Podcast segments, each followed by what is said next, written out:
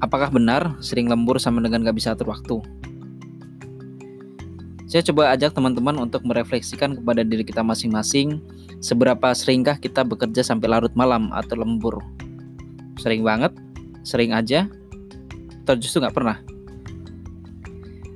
Saya menjadi teringat dulu pernah memiliki rekan kerja yang mengatakan kalimat kepada saya yang mana sampai saat ini bahkan saya masih ingat betul kalimat yang beliau ucapkan beberapa tahun lalu saat sedang masa sibuk-sibuknya atau peak season saya sering banget bekerja sampai larut malam. Bahkan sampai jam 12 jam 1 baru pulang besoknya kembali lagi jam 9 dan begitu seterusnya sampai suatu hari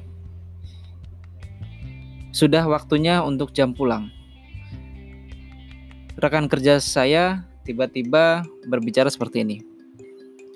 Pak Haji Nah, itu panggilan akrab beliau ke saya. Pak Haji, kalau orang kerja sampai lembur terus Pak Haji, ada kemungkinan dia artinya tidak bisa atur waktu Pak Haji. Saya sempat hening tuh.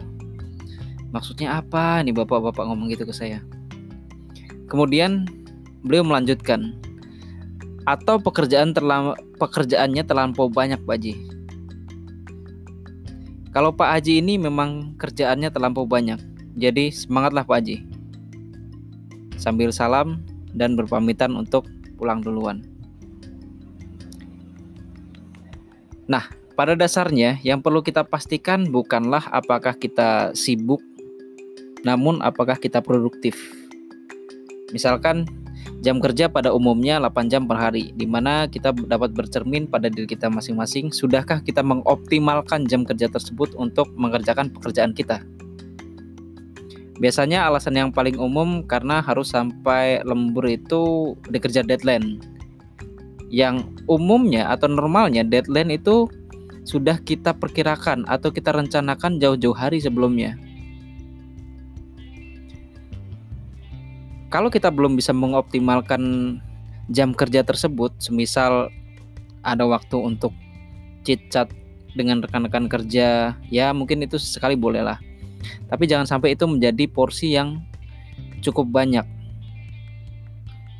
Berbicara soal bola, coffee time, istirahat time, dan time-time yang lain. Sehingga kita terjadi kejadian tuh dikejar deadline begitu deadline ini sudah dekat. Kalau seperti itu artinya kita masuk dalam kategori lembur yang dikatakan oleh teman saya tadi yaitu dengan alasan atau penyebabnya karena kita nggak bisa atur waktu. Namun jika memang kita pekerjaannya terlampau banyak, ya yang sabar ya, terima itu sebagai realita hidup dan cobalah berdamai dengan kondisi seperti itu. Seiring berjalannya waktu, tentu kita dapat belajar cara atau metode menyelesaikan pekerjaan ini dengan seefisien mungkin. Karena semakin tambahnya kita melakukan hal tersebut, lama-kelamaan kita akan menjadi ahli di hal tersebut juga. Oleh karena itu, mari kita sama-sama belajar mengoptimalkan waktu kerja kita sebaik mungkin. Dan coba kita renungi apakah kita sudah produktif atau hanya sekedar sibuk. Terima kasih.